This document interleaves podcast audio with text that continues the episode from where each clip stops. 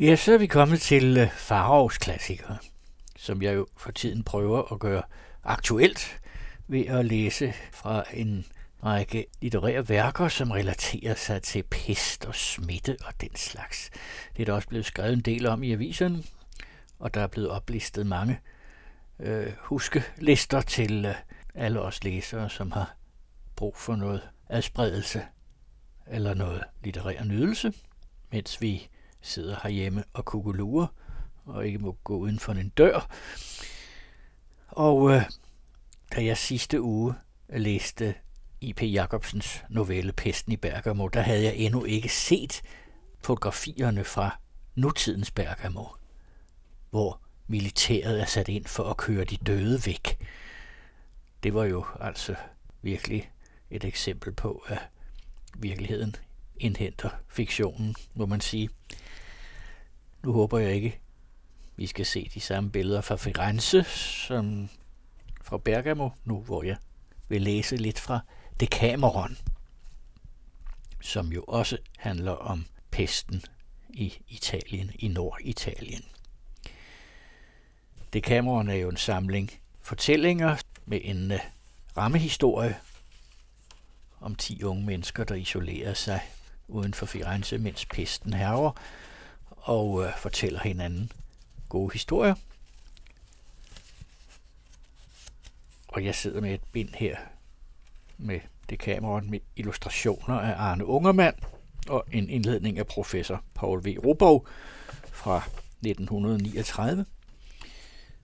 Og Robov begynder med at skrive Dekameron ved siden af 1001 Nat og H.C. Andersens eventyr, den mest underholdende samling af historier, der eksisterer, er forfattet i den erklærede hensigt at mor folk, navnlig at gøre kvinderne lidt glade og at forjage deres tung sind. Så ved I det. Og jeg havde tænkt mig, at jeg ville øh, læse øh, forfatteren Boccacios øh, forord, som ligesom sætter scenen, og så den første af de her 100 historier. Bogen udkom kort efter denne her pest hervede i Firenze i 1348. Og Boccaccio skriver, at øve barmhjertighed mod sorgfulde klæder enhver godt og udkræves af alle, men mest dog af sådanne, som selv er blevet trøstet i modgangens dage, og sikkert har ingen i højere grad end jeg haft husværelse behov og følt velbehag ved at blive trøstet. Til lige fra min tidligste ungdom indtil den dag i dag, har jeg båret på en utilfredsstillet kærlighed, hvis brand til tider har bragt mig fortvivlelse nær. I min overvette sorg skaffede en vens trøsterige tale og morsomme underholdning mig så stor lindring, at det er min faste overbevisning, at det er hans skyld, at jeg ikke døde. Men øh, såsom så som det har behaget den evige Gud, at alt, hvad der fødes her på jorden, skal forgå, bliver også min kærlighed, som i den grad havde taget magten fra mig, at hverken gode fortsætter, mine venners indtrængende forestillinger eller hensynet til den skam og fare, der var at frygte, formåede at bryde eller bøje den. Lidt efter lidt blev den mindre glødende, så den til sidst efterlod det velbehag i sindet, som den føler, der på sin fart over kærlighedens dybe hav stadig beholder kysten i sigte. Men fordi min trængselstid er omme, har jeg dog ikke glemt de gode venner, der led sammen med mig og erindringen om, hvad jeg skylder dem, vil bevares i min sjæl, så længe jeg drager ånde. Da nu taknemmelighed synes mig at være den ypperste af alle dyder, har jeg besluttet til gengæld for, hvad jeg modtog at yde, om ikke dem, der hjalp mig til disse klogskab og gode livsvilkår trænger ikke til at forbedres, så dog andre, der har det nødigt, den lindring, jeg formår. Hvad jeg er i stand til at byde er ganske vist kun af ringe værdi, men netop derfor er det mig magtpålæggende, at hjælpen kommer, hvor nøden er størst. Og ingen vil kunne nægte, at det smukke køn i langt højere grad end vi mænd fortjener og tiltrænger trøstende opmundring. Bundne til små stuer, ofte ledige og altid afhængige af forældres, brødres og ægte herres for godt befindende, ængstes kvinderne hyppigt af mange håndtanker og må med blusel og bæven værne om deres hjerters søde hemmelighed. Og enhver ved godt, hvor vanskeligt det er at dølge sin elskov, og med hvilken ringe modstandskraft særligt kvinderne er udrustet i så henseende. Når forelskede mænd nedbøjes af tungsind og mørke tanker, åbner der sig for dem mangfoldige midler til at jage de sorte sommerfugle på flugt. De kunne more sig med venner, jage og fiske, fægte og gymnastisere, ride og spacere, dyrke kunstinteresser, prøve lykken ved spillebordet eller give sig til at købslå. Kort sagt, de har tusind udveje, så det er for dem en langt lettere sag end for de stakkels kvinder at få bugt med tungsindige griller. Det er derfor min akt til fornøjelse, for det er skæbnen for urettede smukke køn, at meddele 100 historier, der under den sidste skrækkelige pest i Florens blev fortalt af et ærbart selskab bestående af syv damer og tre unge mænd. Mine læserinder ville af disse fortællinger kunne lære både, hvad de skulle sky og hvad de bør eftertragte, og desuden ofte få lejlighed til at trække på smilebåndet. Sker det, og Gud giv det måske, er hensigten nået. Og de må ikke glemme at takke Amor, som ved at befri mig for sine lænker, satte mig i stand til at arbejde med deres opmundring og belæring for øje. ja, dertil må man dog lige tilføje, at det også er meget underholdende historier for mænd. Så kommer indledning. Her begynder det kamerons første dag, på hvilken der under Pampineas forsæde fortælles om, hvad en har lyst til. Skønne damer, uagtet deres ømme medfølende hjerter ikke kunne undgå at berøres pinligt af indledningen til et værk, på hvis første blad mindet om en dødbringende pest har ristet dybe spor, bør I dog ikke derfor lægge bogen fra eder af angst for en fortsat smertelig vandring mellem suk og tårer.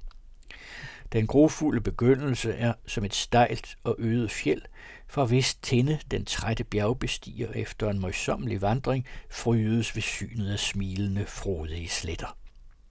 Og jo større anstrengelsen har været, desto mere henrygt vil han blive. Ligesom der efter sød kløe kommer sur svige, således er ofte sorgens port indgangen til glædens rige og når jeg til en begyndelse rækker eder bitter bærme, er det kun for straks efter at videre kvæge eder med den livlige vin, jeg har i beredskab. Havde jeg kunnet nå mit mål på en mildere måde, ville jeg gerne have forsøgt det. Men da pesten er en nødvendig basis for, hvad jeg har på hjerte, er det mig umuligt at skåne eder for efterfølgende beskrivelse. I det herrens år 1348 efter Kristi fødsel hjemsøgtes Italiens herligste stad, Florens, af en dødbringende pestsyge, der enten ved himmellægemernes indflydelse eller som straf for menneskenes synder, nogle år forud havde raset i Østerland, for derpå vandrende hastigt fra sted til sted, bringende jammer overalt, at brede sig til vestens lande. Alt, hvad man gjorde for at stanse ondet, viste sig frugtesløst. Det hjalp ikke, at urenlighed og syge fjernedes fra staden, og heller ikke nyttede ydmyge bønder, som fromme folk enten i optog eller på anden måde rettede til Gud. Ved forårstid brød ondet løs med fuld kraft, men under en anden form end i Orienten, hvor den sorte døds begyndelse ytrede sig ved voldsomt næseblod, mens den her gav udslag ved knuder, der kunne være så store som hønseæg i lysken og armhulerne, hvorfra sygdommen snart bredte sig over hele lægemet. Senere antog soten en anden skikkelse, og der viste sig store og spredt eller små tætte, sortbrune pletter på lårene og armene, og disse pletter var et lige så ubedrageligt dødstegn som knuderne. Lægerne, der ikke kendte sygdommens årsag, stod fuldstændig magtesløse. Og næsten alle døde inden tre dage efter, at de nævnte tegn havde vist sig. Sygdommen var så smitsom, at man blot ved at røre en pestbefængs klær kunne blive dødens bytte. End ikke dyrene gik ramt forbi. Jeg var selv en dag vidne til, at nogle svin blev smittet og døde, hvilket gik sådan til, at en fattig mands pjalter var kastet ud på gaden, hvor de blev fundet af et par svin, som efter de dyrs skik rodede i den med trynen og dernæst greb fat med tænderne og rystede dem frem og tilbage, hvorpå de pludselig, som om de havde fået gift, tumlede livløse om mellem kludene, som de havde været så uheldige at få fat i. Der indtraf mange lignende uhyggelige tilfælde, som hos dem, der endnu var sunde, vagte en frygtelig angst for smitte, så en hver kun havde sin egen frelse for øje og lod de syge skytte sig selv. Nogle søgte midlet til redning i strengt mådehold, lukkede sig inde, morede sig med musik og andre uskyldige adspredelser og stræbte på den måde at holde den truende død borte og glemme omverdens rejsler. Andre nærede derimod en ganske modsat opfattelse og påstod, at det klogeste, man kunne gøre, var at spise og drikke godt, slå gækken løs, synge og danse og gøre løjer med det hele, og uden at bekymre sig om de stakkels syge, løb de let sindige mennesker rundt fra vinstue til vinstue, og når de fandt et herreløst hus, gik de uden videre derind og skaltede og valtede som de ville, hvilket let lod sig gøre, eftersom mange af lovens håndhæver var døde, så de få, der var tilbage, ikke mægtede at sætte sig i respekt. Adskillige fulgte en gylden middelvej og hengav sig hverken til frygtsom afholdenhed eller dumdristige udskejelser, men levede som sædvanligt uden at søge beskyttelse på anden måde end ved hyppigt at føre vellugtende blomster op til næsen, for på den måde at værne sig imod den kvalmende peststank, der opfyldte staden. Andre rystede støvet af deres fødder og søgte at unddrage sig den dræbende svøbe ved at flygte ud i omegnen. Men hvordan man indbar sig ad, viste sig dog, at alle midler var frugtesløse.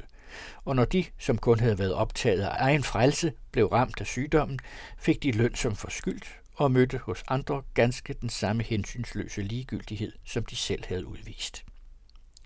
Redslen for smitte havde fordrevet en hver anden følelse, så naboer og frænder skyede hver andre, og at brødre og ægtefolk gik hver til sit. Ja, der skete end også det forfærdelige, så utroligt det end lyder, at forældre vendte deres syge børn ryggen, flygtede fra dem og lod dem ligge hjælpeløse tilbage, som om de slet ikke kom dem ved. Kun trofaste venner, og dem var der ikke mange af, og højt lønnede, ukyndige tjenestefolk stod de syge bi, hvilket i reglen indskrænkede sig til, at de rakte, hvad der forlangtes, og overværede dødens indtrædelse. Ofte blev de selv smittede og måtte lægge sig til at dø, ligesom de havde modtaget betaling for deres arbejde. Vanskeligheden ved at få pleje gav anledning til den uhørte skik, at selv fornemme og unge damer ikke undså sig hverken at modtage pleje af mænd eller ved at blotte deres lægemer i disses påsyn, så snart sygdommen krævede det, hvilket for mange vedkommende havde til følge, at de senere, når de blev helbredet, hengav sig til sanselige udskejelser og i det hele taget virkede pesten undergravende på de hidtil bestående forhold og vendte op og ned på alt. Den gamle skik, at den afdødes veninder og kvindelige pårørende samledes ind i huset og blandede deres tårer med den nærmeste families, mens de mandlige slægtninge og venner opholdt sig uden for hjemmet for i procession med vokskærter og fromme sange at bære livet hen i kirken, eksisterede ikke mere. Kun de færreste modtog lige til det sidste kærlige hænders pleje, og mange opgav ånden uden et eneste vidne. Derimod genlød gaderne tidligere sille af støjende munterhed og rå latter. Bedre stillede folks lig hentedes af nogle usle personer, de såkaldte pestknægte, og bragtes hen til den første den bedste kirke, hvor gejstligheden i største hast, uden mindste højtidlighed, lod livet nedsænke i en eller anden grav, der var ledig. Mindre bemidlede og fattigfolk døde hver dag i tusindvis uden hjælp og pleje. Mange sejnede døende om på gaden, og andre drog ubemærket deres sidste suk inden døre, så er først stanken af de forrådnede lægemer røbede, at der var lig i huset. Ikke af medlidenhed, men af frygt for smittebærende dunster, slæbte naboerne, enten selv eller med lejet hjælp, de dødes kroppe ud af husene, og lod dem ligge uden for dørene, indtil pestknægtene kom med deres borger, eller i mangel heraf med et ganske simpelt bræt. Mange gange anbragtes flere personer på samme borger, og det hente ofte, når præsterne bar krucifixet foran en enkelt borger, at undervejs støtte flere til, så at de i stedet for en enkelt fik seks eller otte og endnu flere at begrave. Det kom så vidt, at tabet af menneskeliv betragtedes med samme ligegyldighed, som om det kunne have været en ged, der var død og selv de enfoldige lærte nu den kunst, som også vismænd havde ondt ved at tilegne sig, så enhver var forberedt på ulykkens komme og bar dens følger med ydmygt og tålmodigt sind. Da den indvidede jord ikke formåede at rumme de mange døde, der hver time på dagen bragtes til alle byens kirker, gravede man, hvor som helst det lå sig gøre, fagne dybe huller, hvor ligene ophobedes i hundredvis, ligesom handelsvarer i skibe lige op til randen, hvorpå hele bunken tildækkedes med et tyndt lag jord. Ikke alene i selve Florens, men også i alle de omliggende landsbyer rasede pesten med ustandslig magt. Ja, end også de spredte gårde og hytter ramte sig svøben, og de stakkels fattige bønder opgav ånden i håbevis, uden pleje, uden tilsyn, på markerne og hjemme, dag og nat. Ikke som mennesker, men som kvæg. Sløvhed, ligegyldighed og udsvævelser blev også her pestens uundgåelige følge. Alt arbejde skødes til side, ploven og len rustede i skuret, okser og æsler, får og geder, høns og ænder, svin og hunde løb uden tilsyn omkring på markerne og bjergede føden, hvor de kunne finde den, og mange af dem kom uden at drives af nogen hyrde, ret som om de var fornuftsvæsener, om aftenen tilbage, hvor de hørte hjemme. For ikke at tale om de omliggende landsdele, døde der i løbet af tre måneder inden for selve Firenzes mure over 100.000 mennesker. Et antal, der beløb sig til langt flere, end man havde troet, der rummedes i staden. Hvor mange skønne huse og paladser, vrimlende af festligt klædte, edelborgne herrer og damer, var nu ikke uddøde lige til den ringeste staldknægt. Hvor mange berømmelige slægter, godser og formuer kom ikke til at savne arvinger. Hvor mange kraftige mænd, blomstrende ynglinge og skønne damer sad ikke om morgenen, lyslevende og raske ved deres slægtninges og venners side, for om aftenen er opvågne i de dødes rige. Det smerter mig at måtte dvæle så længe ved al den videre ødelæggelse, og jeg vil derfor overspringe, hvad der i øvrigt kunne være at berette, og kun fortælle, at den erhverdige kirke Santa Maria Novella en tirsdag morgen tilfældigvis blev mødested for syv mundre og forstandige, smukke og dydige damer, der kendte ved andre enten som slægtninge, veninder eller naboerske, og af hvilke den yngste var 18 år og den ældste ikke over 28. Når jeg ikke nævner dem ved navn, er det fordi flere af dem måske ville føle sig ubehageligt berørte ved at figurere i historier, som de havde hørt på eller selv givet til bedste i hine dage, da gamle og unge ganske anderledes havde frit spillerum end nu om stunder. Og desuden ville det være synd at give deres rygte til pris for de mange onde tunger, der her som overalt i verden finder tilfredsstillelse i at tilsøle det gode og rene med giftigt spødt. Jeg vil derfor give samtlige damer opdigtede navne og lade den ældste hedde Pampinea, den næste Fiametta, den tredje Filomena, den fjerde Emilia, den femte Lauretta, den sjette Nefile og den yngste Elisa. De var alle, som hende tider fordrede, iført sørgedragt, og efter at have overværet gudstjenesten, gik de samtidig hen imod udgangen. Og da de mødtes her, tog de plads i forhallen og gav sig til at tale indbyrdes om tidens jammer og elendighed. Da den viskende samtale havde varet nogen tid, henvendte Pampinea ordet til dem alle og sagde, det er en bekendt sag, at man aldrig bør tage betænkning at gøre, hvad man synes er rigtigt. Ingen hader sit eget læme, men føder og viderekvæger det, og selvopholdelsesdriftens uafviselige krav er så almindeligt anerkendt, at man jo end også, når det sker i selvforsvar, har lov til at berøve et andet menneske livet. Det undrer mig derfor, at ingen af os er så fornuftig at gøre, hvad der under disse ulykkelige forhold vil være det ene rigtige. Hvor nærvær altså her er ganske overflødig, da det ikke vedrører os, hvor mange lig der bliver begravet, og om de få munke, der er tilbage, synger deres messer i ret tid.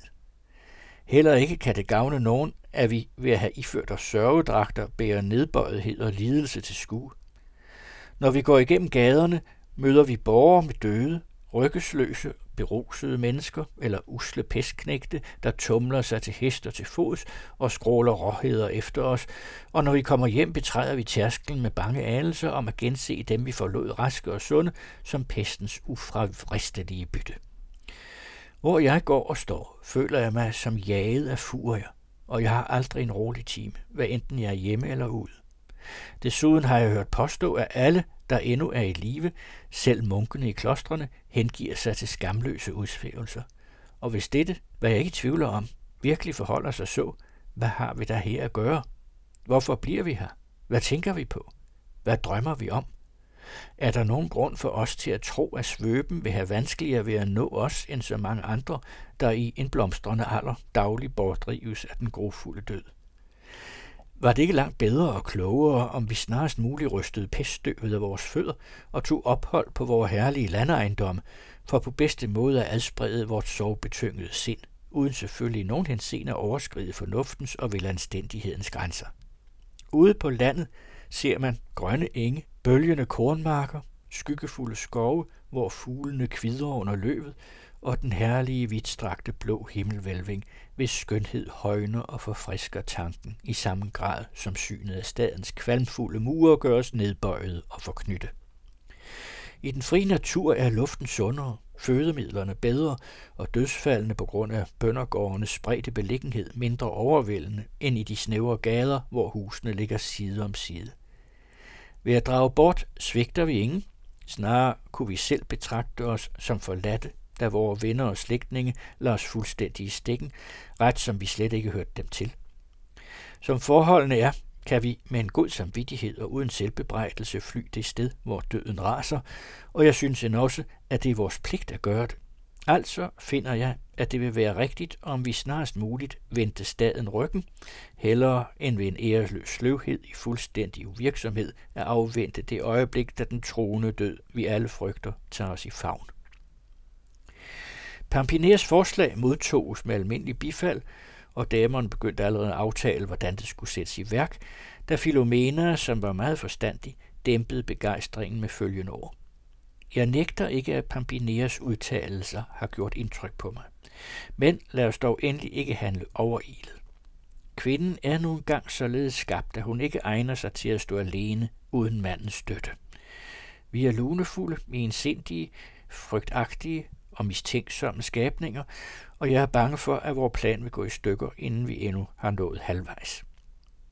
Elisa sluttede sig ganske til Filomenas opfattelse og mente ligesom hun, at det ville være dårskab at begive sig på vandring, uden nøje at have overvejet, om det nu også var rigtigt.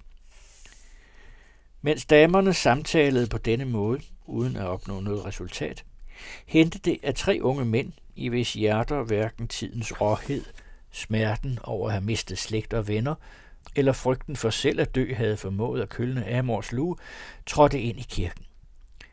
Den ældste hed Pamphilo, den næste Filostrato og den yngste Dioneo. Ingen af dem var under 25 år, og de var alle tre opvagte og belevende. Håbet om at få den at se, som hver især elskede, var så levende hos dem, at synet af dødens redsler ingen magt havde over deres sind, og det træffede sig så heldigt, at netop de tre damer, de elskede, befandt sig imellem de syv. Ikke så snart havde de med bankende hjerter hils på de skønne, før Pampinea udbrød. Lykken er os sandelig gunstig.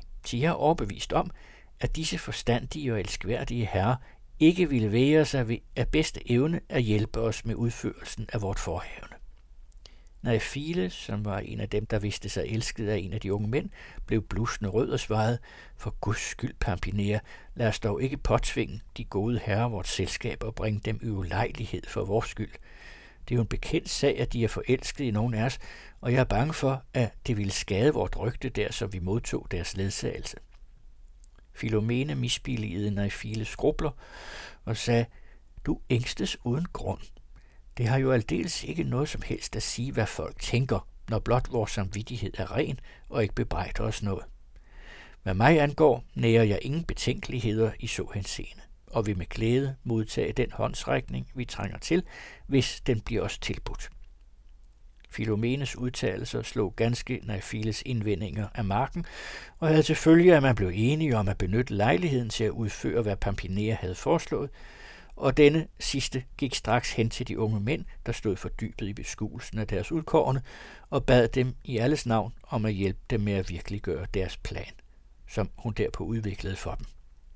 De unge mænd troede først, hun holdt dem for nar, men da det gik op for dem, at det virkelig var alvor, erklærede de sig beredte, og for ikke at spille tiden aftalte de straks med damerne, hvordan det hele skulle ordnes. I løbet af dagen blev alle tilberedelser trufne, og den følgende morgen tidlig drog damerne, ledsaget af nogle kammerpiger og de tre unge mænd med deres tjenere, ud af staden og nåede et par timer efter deres bestemmelsessted.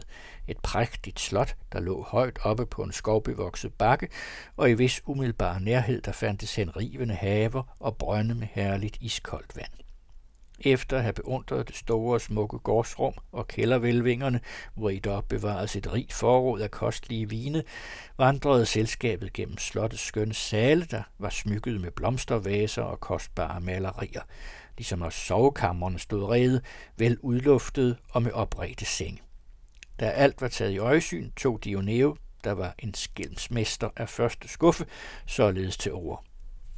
Smukke damer, jeg ved ikke, hvorledes det har sig med eder, men for mit eget vedkommende må jeg tilstå, at al den bekymring, der tyngede mit sind, er sporløst forsvundet.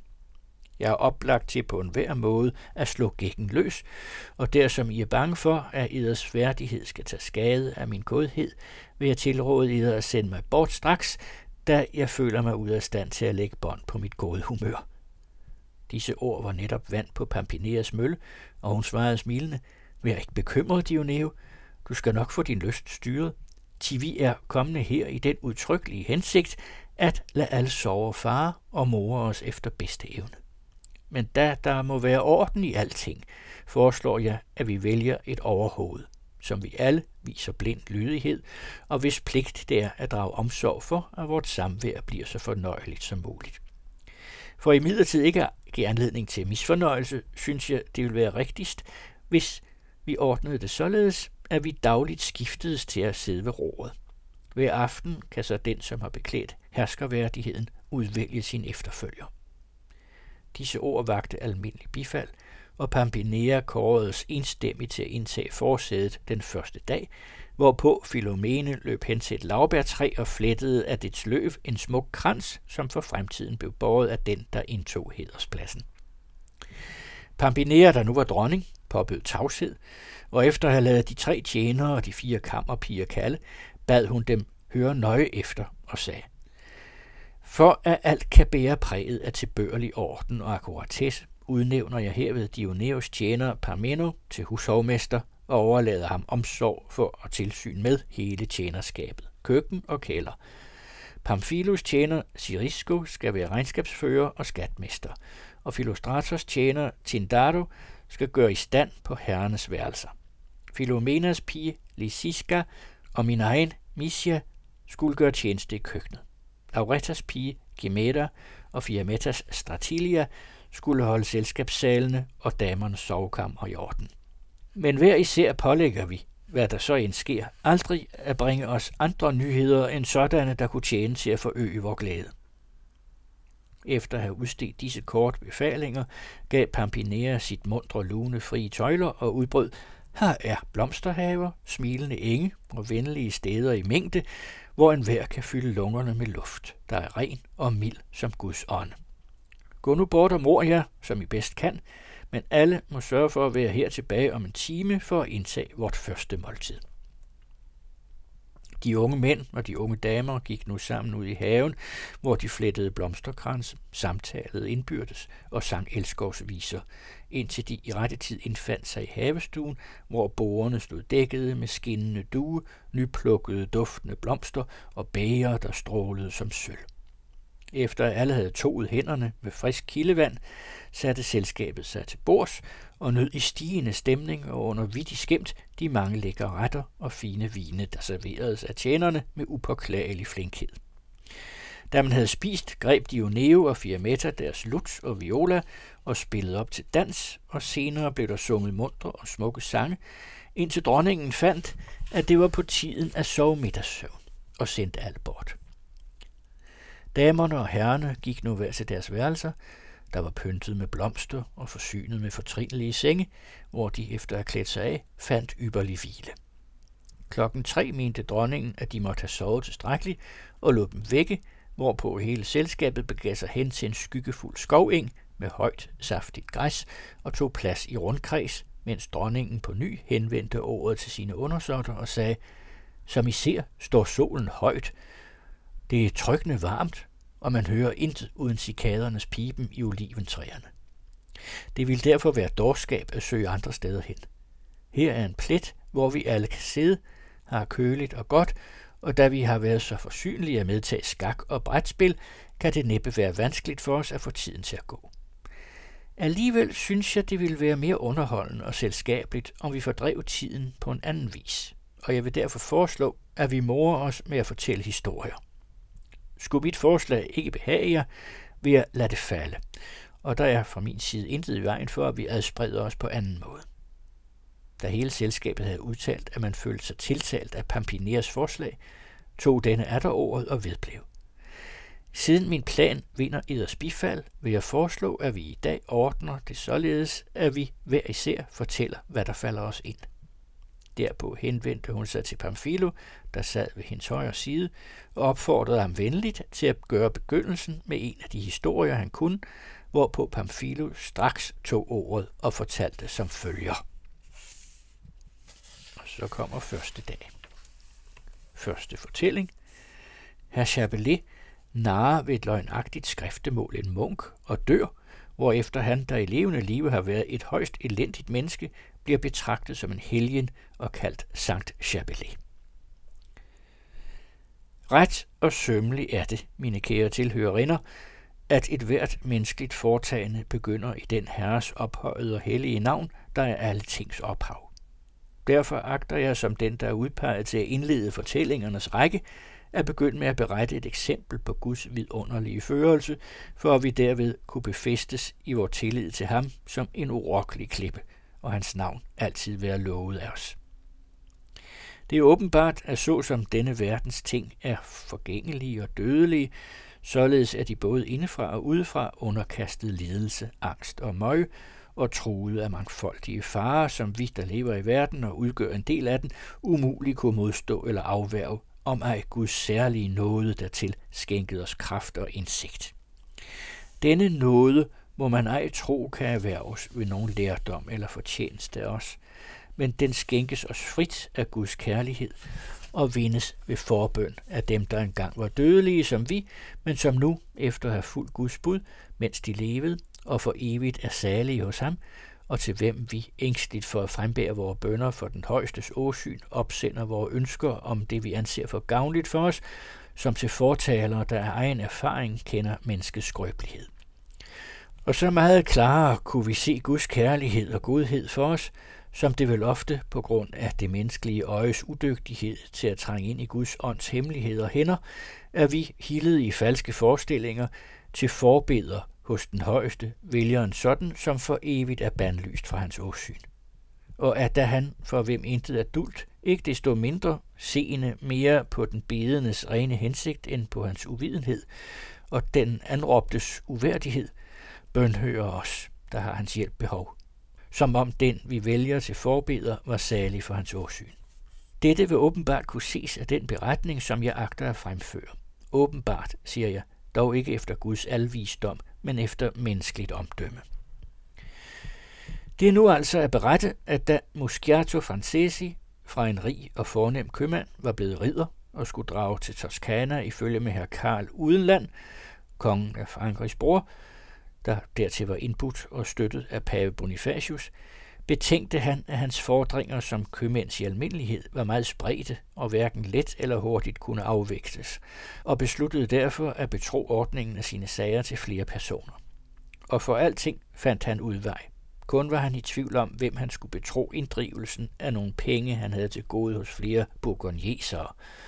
Og grunden til hans tvivlrådighed var den, at han vidste, at burgundjeserne var trættekære, ildesindede og uredelige mennesker, at han kunne ikke komme i tanke om nogen, som han anså for så stor en skælm, at han kunne stå sig mod bourgonjesernes snedighed. Efter han længe havde tænkt frem og tilbage, rent ham dog om sider en vis herr Chaporello i hu, som ofte havde besøgt ham i Paris. Så som denne mand var liden af vækst og pyntelig, og franskmændene ikke vidste, hvad Chaporello skulle sige, og troede, det kom af chapeau, der i deres mål betyder krans, så kaldte de ham, efter han som sagt var liden af vækst, ikke Chapeau, men Chapelet. Og som Chapelet var han kendt overalt, mens kun få kendte ham som herr Chaporello. Denne herr Chapelets liv og karakter var som følger. Han var notar, men øh, han ville have følt sig dybt beskæmmet, om det var hent af noget dokument, at hans var blevet befundet ægte, og af den slags udstedte han på anmodning så mange det skulle være og det heller gratis, end han for høj betaling udstedte ægte papirer. Falsk vidnesby aflagde han med stor fornøjelse på anmodning eller uden anmodning, og da der på den tid i Frankrig lagde stor vægt på eder, og han ej var bange for at aflægge falske, vandt han altid en hver proces, hvor han blev kaldet til at sværge ved sin tro, at han talte sandhed. Han fandt den største fornøjelse i og gjorde sig alt muligt umage for at stifte ufred eller forarvelse mellem venner, slægtninge eller mellem hvem som helst, og jo mere ondt han så kom ud deraf, det større var hans skadefryd. Når han blev opfordret til mor eller hvilken som helst anden forbrydelse, sagde han aldrig nej, men slog villigt til, og flere gange havde han med egne hænder såret eller dræbt mennesker. Han var en stor gudsbespotter og svor og bandede for ingenting, for han var galsenet så godt som nogen. I kirken satte han aldrig sine ben, og om de hellige sakramenter brugte han de afskyeligste smedeord, men værtshuse og andre vandhellige steder besøgte han det hyppigere. Kvinder var han lige så forgabet i som hunde i kæppen. I en anden last derimod svælgede han værre end den værste usling. Ved tyveri og røveri følte han ikke sin samvittighed mere trykket end en hellig mand ved at give en almisse. Froser og drikker var han i den grad, at hans helbred nogle gange havde været slemt medtaget. Spiller var han også, og svært dreven i at bruge falske terninger. Men hvorfor bruger jeg så mange ord? Han var kortelig den værste slyngel, der nogensinde har set lyset.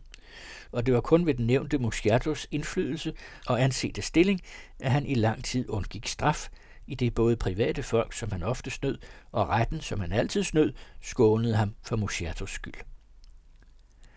Denne Chaperello var det nu, som herr Musciato kom i tanke om, og da han meget vel kendte hans bedrifter, indså han, at han var den rette mand til at tage det op med de træske bourgognesere. Derfor lod han ham kalde til sig og sagde til ham, Kære Chabelet, som I ved, står jeg i begreb med at drage herfra, og da jeg her blandt andet har at gøre med nogle bourgognesere, der er fulde af svig, ved jeg ingen til hvem jeg med større tryghed kan betro inddrivelsen af mine fordringer hos dem end til æder. Og da I for tiden intet har at gøre, lover jeg jer derfor, så fremt I vil besørge den sag, at skaffe eder kongens gunst, og desuden skænke eder en anstændig part af, hvad I måtte inddrive. Chabelet, som var uden beskæftigelse og tavlig forsynet med denne verdens goder, og nu dertil så den mand rejse bort, som så længe havde været hans støtte og værn, fattede uden tøven og næsten nødtvungen sin beslutning og slog til.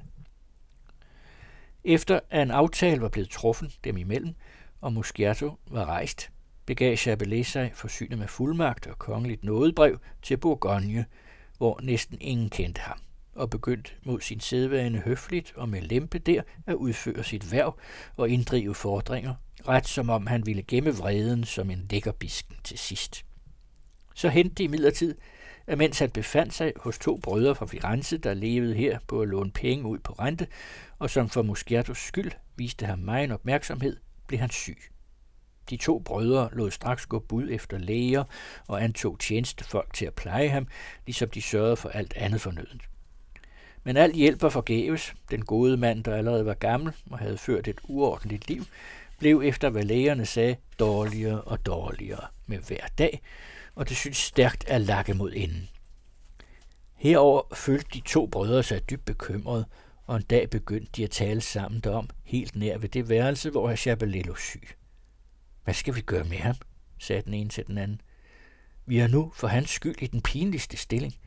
Hvis vi nemlig sender ham ud af huset, så syg som han er, vil det skaffe os meget en ilde omtale på halsen, og desuden være et åbenlyst tegn på ringe omdømme hos os, eftersom folk, der har set, at vi først har modtaget ham vel, og siden skaffet ham så omhyggelig pleje og betjening, nu vil blive vidne til, hvorledes han dødssyg pludselig blev kastet ud af vort hus, uden at han i nogen måde havde kunnet give anledning til misnøje. På den anden side har han været så ryggesløst et menneske, at han sikkert ej vil være at formå til at skrifte eller modtage kirkens sakramente. Og hvis han dør uden skrifte, vil ingen kirke modtage hans lig, og han vil blive kastet i kuglen som en hund. Og selvom han skulle skrifte, er hans sønder dog så store og så frygtelige, at det vil gå på samme vis, såsom det vil være umuligt at finde en præst eller en munk, der kan eller vil give ham syndsforladelse. Og dør han uden syndsforladelse, bliver han ligeledes kastet i kuglen. Og sker dette, ved folket her i staden, der dag ud og dag ind smeder os for vores håndtering, der forekommer dem ugudelig, og som også nok har lyst til at plyndre os, give sig hen til at skrige og råbe op. Disse hunde, disse lombarder, som er bandlyste for kirken, dem vil vi ikke mere tåle her. De vil storme vort hus, og måske ikke blot røve vort gods, men også forgribe sig på vores personer. Således er vi i alle tilfælde ildstede, om han dør. Herr Chapelet, der, som vi sagde, lå nær ved det værelse, hvor de talte således sammen og havde en fin hørelse, således som de almindelighed er tilfældet med syge, hørte, hvad der sagdes om ham, og han lod dem derfor kalde til sit leje og sagde, Jeg ønsker ikke, at I for min skyld skal være bekymret eller frygte for at komme i ulejlighed. Jeg har hørt, hvad I har talt om mig, og jeg har overbevist om, at det ville gå, som I siger, hvis sagerne fik det forløb, som I har tænkt jer. Men de skal løbe ganske anderledes af. Jeg har i min levetid begået så mange synder mod Gud, at om jeg nu på mit dødsleje begår en ny, vil det hverken gøre fra eller til. Skaff mig derfor hiden from og hellig munk, den bedste I kan finde, hvis der er nogen af den slags her, og stol så blot på mig. Så skal jeg nok rygte både mine og eders sager, således at alt skal blive godt, og I har grund til at være fornøjet. De to brødre fandt rigtig nok ikke stor trøst ved denne tale, men alligevel begav de sig til et munkekloster og bad om en from og vis mand, som kunne tage en lombarder, der lå syg i deres hus i skrifte, og de fik der også med sig en gammel munk af fromt og rent levnet, en stor mester i den hellige skrift og en meget erhverdig mand, der hos alle stadens indbyggere stod i stor anseelse for hellighed. De førte ham da til den syge, og da han var blevet ført ind i det værelse, hvor herr Chapelet lå, og havde sat sig ved hans seng, begyndte han først at trøste ham og spurgte ham så, hvor lang tid det var, siden han sidst havde skriftet. Hertil svarede herr Chapelet, der aldrig før havde skriftet. Hellige fader, jeg plejer at skrifte mindst én gang om ugen, og mange gange gør jeg det oftere. Men jeg må bekende, at siden jeg for otte dage siden blev syg, har jeg ikke skriftet. Så store har de lidelser været, som sygdommen har voldt mig. Så sagde munken, min søn, du har handlet ret, og således må du også for fremtiden gøre. Skønt jeg ser, at siden du så ofte skrifter, vil jeg kun få ringe besvær med at udspørge og forhøre dig. Jeg Chablis svarede, Gode fader, sig ikke således. Jeg har aldrig skriftet så stadigt eller så ofte, at jeg ikke altid skulle ønske at aflægge et fuldstændigt skrift over alle de sønder, som jeg menes at have begået fra den dag, jeg fødtes, indtil den stund, jeg skrifter, og derfor beder jeg eder, kære fader, udspørg mig lige så nøje om hver eneste ting, som om jeg aldrig havde skriftet. Og I må ikke skåne mig, fordi jeg er syg, til jeg foretrækker langt at mishage dette mit kød, end det til behag at gøre noget, hvorved jeg kunne fortabe min sjæl, som min frelser har genløst med sit dyrebare blod. Disse ord behagede i høj grad den hellige mand og tygte som et bevis på et fromt sindelag, og efter han rigeligen havde lovprist denne her chapelist skik, begyndte han med at spørge ham, om han nogensinde havde syndet ved ukyskhed med nogen kvinde. Hertil svarede herr Chabelis sukkende, kære fader, på dette punkt blues jeg ved at sige eder sandheden, fordi jeg frygter at synde ved praleri. Hertil svarede den hellige mand, sig kun rolig sandheden, til hverken ved skriftemål eller i noget andet tilfælde kan det være synd at tale sandhed. Da sagde herr Chapelet, Eders ord beroliger mig, og jeg skal sige eder, hvordan det er. Jeg er lige så uskyldig, som jeg udgik af moders liv. Velsignet være du af Gud, sagde munken. Hvor vel har du ikke handlet? Og herved har du erhvervet dig så meget en større fortjeneste, som du, om du havde ville, kunne have haft større frihed til at gøre det modsatte end vi og alle andre, der bindes af en ordensregel. Herpå spurgte han ham, om han ved fylderiets last havde mishaget Gud, hvortil herr Chapelet dybt sukkende svarede, at det havde han gjort, og det mange gange. Ti, da han foruden den faste, som fromme mennesker jagtog i fastetiden, plejede i det mindste de tre dage i ugen kun at nyde vand og brød, så havde han, især når han havde været udmattet ved bøn eller pilgrimsfart, drukket vand med samme velbehag og samme begær, som det var med dranker og svælger i vin. Mange gange havde han dertil ønsket sig sådanne lækre salater, som kvinderne laver, når de er på landet. Og under tiden havde maden smagt ham mere, end han fandt det passende for en, der faster for sin sjæls frelses skyld, som han gjorde. Dertil sagde munken, disse sønder skyldes den menneskelige natur, og er meget ringe, og derfor ønsker jeg, at du ej for den sags skyld mere end nødvendigt føler din samvittighed tynget. Et hvert menneske, om han er aldrig så hellig, hænder det, at efter lang faste smager det ham at spise, og efter drøje strabasser at drikke. Ak, gode fader, sagde Chabelet, I bør ej tale således for at trøste. Ti må vel indse, at jeg forstår, at hvad man gør til Guds behag, det bør man gøre helt ud og uden nogen sjælens modstand, og den, som gør anderledes, han begår synd. Højligen tilfreds, sagde munken. Det glæder mig, at du så nøje rensager dit hjerte, og end mere, at derved din samvittighed befindes ren og god.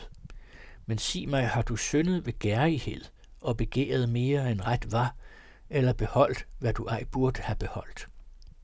Hertil svarede Chabelet, God fader, jeg ville nøde, at I skulle dømme efter, at jeg befinder mig i disse overkales hus. De har intet fælles med dem. Tværtimod, jeg er kommet hid for at formane og tugte dem, og derved uddrive dem af deres syndefulde håndtering. Og jeg tror, at det ville være lykkedes mig, hvis Gud ikke havde hjemsøgt mig således. Men I må vide, at min far ved sin død efterlod mig en stor formue, af hvilken jeg skænkede størstedelen til kirken. Siden har jeg for at ernære mig og for at kunne hjælpe de fattige, drevet min lille handel, og i den rigt nok efterstræbt gevinst.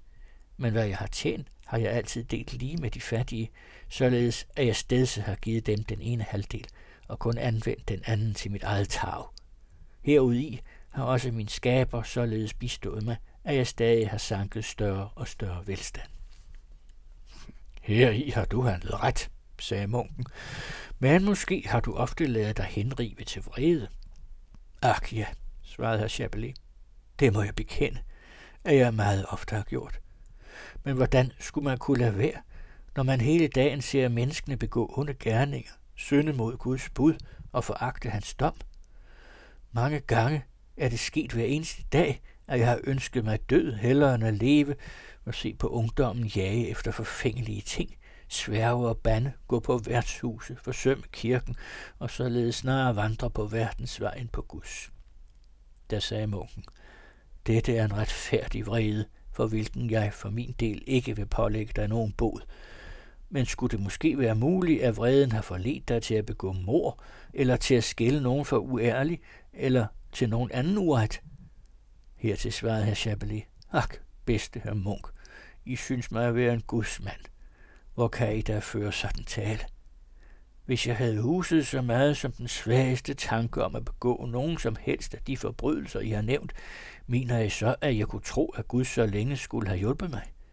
Den slags af handlinger, der røver og morder og værdige, og så ofte jeg har set nogen sådan, har jeg altid sagt, hvor herre vær din arme sjæl nåde.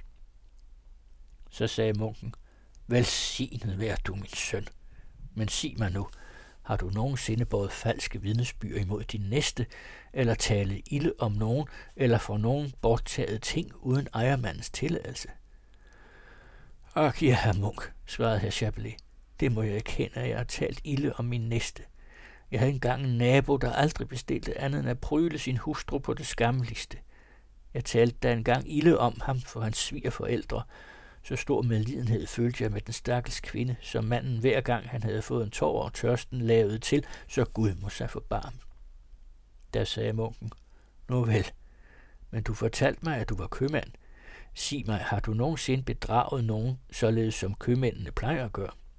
Ja, en god fader, svarede Chapelet. Hvem hvem manden var, ved jeg ikke. Jeg ved blot, at en havde betalt mig nogle penge, som han var mig skyldig for klæde, som jeg havde solgt ham, og disse penge lagde jeg i en skuffe, uden at tælle dem efter. En god måneds tid efter opdagede jeg, at der var fire styver mere, end der skulle have været, men efter jeg havde beholdt dem over et år for at give dem tilbage til ejermanden, men ikke set ham mere, gav jeg dem bort i almisse. Munken sagde, at ah, det var en bagatel, og du handlede ret i at gøre, som du gjorde. For uden disse spørgsmål rettede munken mange andre til ham og den alle besvarede af Chapelet på samme måde. Da han nu ville skride til syndsforladelse, sagde Chapelet, Herr Pater, der er endnu en synd, som jeg ikke har bekendt for eder. Munken spurgte ham, hvad det var for en synd, og han svarede, jeg erindrer, at jeg en søndag aften lod min tjener gøre rent i huset, og således ikke viste herrens hellige dag den bødighed, jeg var den skyldig. Og min søn, sagde munken, det er en sag at ringe vægt. Nej, nej, sagde Chapelet. Sig ikke det. De søndagen bør man ære, efter de på denne dag opstod vor herre fra de døde. Da sagde munken, nu vel, Har du ellers forsyndet dig? Ja, er pater, svarede herr Chapelet. En gang spyttede jeg ubetænksomhed i herrens hus. Munken smilede da jeg sagde, der er intet at være bekymret for. Vi, kirkens mænd, spytter der hele dagen igennem. Da sagde herr Chapelet, ja, der I begår en stor usømmelighed. Til intet sted sømmer det sig at holde sig rent som det hellige tempel, hvor Gud tilbedes. Kort sagt, sådanne sønder skriftede han for munken i mængde, men til sidst begyndte han at sukke og derpå ynkelin at græde, således som han kun alt for godt forstod at gøre, så snart det passede ham. Den fromme munk sagde da, min søn, hvad fattes dig? Herr Chapelet svarede, ak, jeg er ulykkelig. Herr pater, jeg har endnu en synd på min samvittighed, som jeg aldrig har bekendt, så dybt blues jeg ved at bekende den. Hver gang jeg kommer til at tænke på den, græder jeg, som I ser, og det synes mig for vist, at Gud aldrig vil have barmhjertighed med mig for den synds skyld. Da sagde munken, ti, min søn, ti. Hvad er det for en tale? Om alle de synder, som nogensinde er begået af alle mennesker, og alle de synder, som fra nu af og til verdens undergang skulle blive begået af den ganske menneskeslægt, om de alle sammen var samlet hos et eneste menneske, så er Guds miskundhed og godhed så stor, at han gerne, hvis synderen var så angergiven og synderknust, som jeg nu ser dig, ville tilgive ham dem alle, når han skriftede den. Sig mig derfor trygt, hvor i du har forset dig. Herr Chapelet sagde da, stadig under stride tårer, Ak, kære fader, min søn er alt for stor, og næppe kan jeg tro, at Gud nogen stund vil forlade mig den, og ej eders bønder formår noget dertil. Hertil sagde munken, sig kun trøstigt frem. Jeg lover dig at bede til Gud for dig. Herr Chabelet græd stadig og sagde intet, og munken formanede ham til at bekende. Efter herr Chabelet således bestandig grædende en lang stund havde holdt munken hen, udstøttede han endelig et dybt suk og sagde, Herre pater, eftersom I lover at bede til Gud for mig, vil jeg bekende min søn for eder. Så vid da, at da jeg var en liden pilt, bandede jeg engang min mor. Og da han havde sagt dette, bræst han igen i voldsom gråd. Munken sagde da, Ak, min søn, synes dette dig så svar en synd? Menneskene banner hele dagen Gud, og dog tilgiver han gerne den, der angrer sin synd. Og du tror ikke, at han vil tilgive dig? Græd ikke, fat mod. Til vislig, om du havde været en af dem, der korsfæstede ham, ville han tilgive dig, så angergiven, som jeg ser dig nu. Herr Chapelet svarede da, Ak, gode fader, hvad siger I? Alt for ille har jeg handlet, og alt for svar en synd var det af mig at smede min gode mor, som bar mig under sit hjerte dag og nat i ni måneder, og så utallige gange siden har båret man på sine arme, og hvis I ej beder til Gud for mig, vil jeg aldrig vinde tilgivelse. Da nu munken var kommet til ende med sine spørgsmål, meddelte han af Chapelet syndsforladelsen og velsignede ham derpå i den overbevisning, at han var en meget from mand. Jean troede fuldt og fast, at alt, hvad den syge havde sagt, var sandt. Og hvor skulle vel også nogen kunne have tvivlet, når han hørte et menneske, der lå for døden, tale således? Siden, efter alt dette, sagde han til ham, Herr Chabelet, med Guds hjælp vil I snart være karsk igen. Men skulle det dog ske, at Gud kalder eders velsignede og velberedte sjæl herfra, vil I så give eders samtykke til, at eders lig begraves i vort kloster? Hertil svarede Chapelet, ja, gerne, herr pater. Jeg vil endda nødig begraves noget andet sted, eftersom I har lovet at bede til Gud for mig, og desuden har jeg altid haft en særlig erbødighed for eders orden. Derfor beder jeg eder også, når I kommer tilbage til eders kloster, sørg for, at Kristi sande lægeme, som i denne morgen har indviet på aldret, bliver skikket hid. Til skønt jeg ej er værdig dertil, agter jeg dog med eders tilladelse at anarme det, og bagefter den sidste hellige olie, for at, selvom jeg har levet som sønder, jeg dog i det mindste kan dø som en kristen. Den fromme munk sagde, at det var vel sagt, og det glædede ham, og han skulle snarest lade sakramentet komme til ham. Og således skete det. De to brødre, der meget frygtede, at Chapelet skulle bedrage dem, havde stillet sig bag en breddevæg, der skilte det værelse, hvor den syge lå, fra et tilstødende. Her lyttede de og hørte og forstod med lethed alt, hvad herr sagde til munken, og flere gange morede de sig så kosteligt over at høre ham skrifte sine sønner, at de var lige ved at briste i latter. og de sagde til hinanden, hvad er dog ikke dette for et menneske? Hverken alderdom eller sygdom eller frygt for døden, som han ser nærme sig, ja, ej engang frygt for den Gud, for hvis domstol han snart skal stedes, har formået at uddrive ham af hans ondskab og give ham vilje til at dø anderledes, end han har levet. Men de havde hørt, at hans lig ville blive modtaget til begravelse i kirken, og om resten bekymrede de sig ikke. Herr Chabelet nød kort derpå nadvåren, modtog, da hans tilstand i høj grad forværredes den sidste olie, og døde den selv samme dag, han havde aflagt det fortræffelige skriftemål, kort efter vespertid. De to brødre aftalte da en anstændig begravelse for ham af hans egne midler, lod gå bud til klostret om hans død, for at munkene efter skik og brug kunne komme om aftenen for at holde vagt ved livet, og om morgenen førte til kirken og ordnede så alt i denne anledning fornødent. Da den fromme munk, som havde skriftet af Chabelet, hørte, at han var død, gik han på råd med klosterets prior, og efter at der var ringet til kapitel, meddelte han de forsamlede brødre, at den afdøde, som det fremgik af hans skriftemål, havde været en from mand, og i det håb, at herren ved ham skulle udføre magt et under, søgte han at overtyde dem om, at dette lig burde modtages med den største ærefrygt og andagt.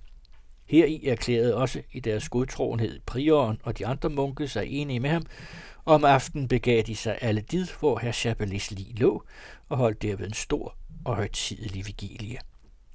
Men morgenen derpå gik de alle, iklædt messeskjorter og korkåber med bønnebog i hånden og krucifixet foran sig, under sang af sted for at hente livet, og førte det med stor pomp og højtidelighed til deres kirke, fuldt af næsten hele stadens befolkning, både mænd og kvinder.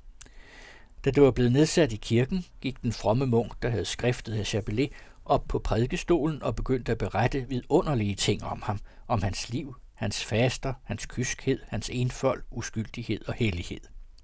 Blandt andet fortalte han om, hvad herr Chapelet under tårer havde skriftet for ham som sin største synd, og hvorledes han næppe havde været i stand til at få ham til at tro, at Gud ville tilgive ham. Hvorpå han endte med at sætte tilhørende i rette, i det han sagde, Ak, I er Gud forbandet. I skiller ved det mindste halmstrå, der kommer idder i vejen, både Gud og den hellige jomfru og alle hans engle. Desuden sagde han meget andet om den afdødes retfærdighed og renhed. Kort sagt, ved sin tale, hvor til egnens folk nærede fuld tillid, forstod han at indgyde alle de tilstedeværende en sådan ærefrygt for mandens hellighed, at da Guds tjenesten var forbi, opstod der en stor trængsel i det alle strømmede til for at kysse den dødes hænder og fødder. Alle klæderne blev revne af kroppen på ham, til den holdt sig for lykkelig, som kunne få fat blot på den mindste trævl. Hele dagen måtte de lade livet stå i kirken, for at alle kunne komme til at se og beskue det. Senere, da natten kom, blev det lagt i en marmorkiste og med heder bisat i et kapel, og allerede den følgende dag begyndte folket at valgfarte dertil, at tænde lys og tilbede ham, og senere aflægge løfter til ham, og ifølge disse løfter ophænge voksbilleder i kapellet. Ja, så stærkt voksede hans ry for hellighed og gudsfrygt, at der næppe var nogen, der i ulykke eller nød aflagde løfter til andre helgener end ham. Man kaldte og kalder ham endnu Saint Chapelet, og forsikrer, at Gud ved ham har gjort og dagligen gør mange under for dem, der fromt vender sig til helgenen om forbøn. Således levede og døde her Chaparello fra Prato og blev en helgen, som I har hørt, jeg vil ikke nægte muligheden af, at han kan være særlig for Guds åsyn. Til skønt hans levned var ugudeligt og ryggesløst, kan han dog på sit yderste have følt en sådan anger, at Gud måske har haft miskundhed med ham og optaget ham i sit rige. Men alt den stund det er skjult for os, slutter jeg af det, som er åbenbart, og mener, at han snarere befinder sig i helvede, i djævelens vold, end i paradis. Og om så er, kan vi der erkende Guds store nåde imod os, i det han ej ser på vores vilfarelse, men på vores tros renhed, når vi på denne måde til midler vælger en fjende af ham i den tro, at han er Guds ven, og bønhører os, som om vi til forbeder hos ham havde valgt en sand helgen.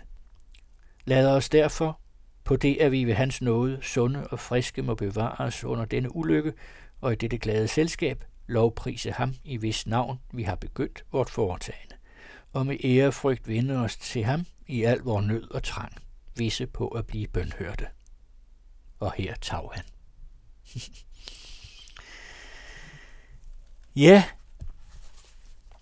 så får I ikke mere Boccaccio i denne omgang. Og øh, i næste uge vil jeg fortsætte med endnu en pesthistorie af de berømte, nemlig Edgar Allan Poes historie, Den røde dødsmaske. Og så håber jeg i øvrigt, at I i den kommende uge vil bevare helbredet og humøret, så vi ikke får flere smittede end højst nødvendigt. Bliv indenfor og lyt til radioen. Eller læs en god bog. Du lytter til den anden radio.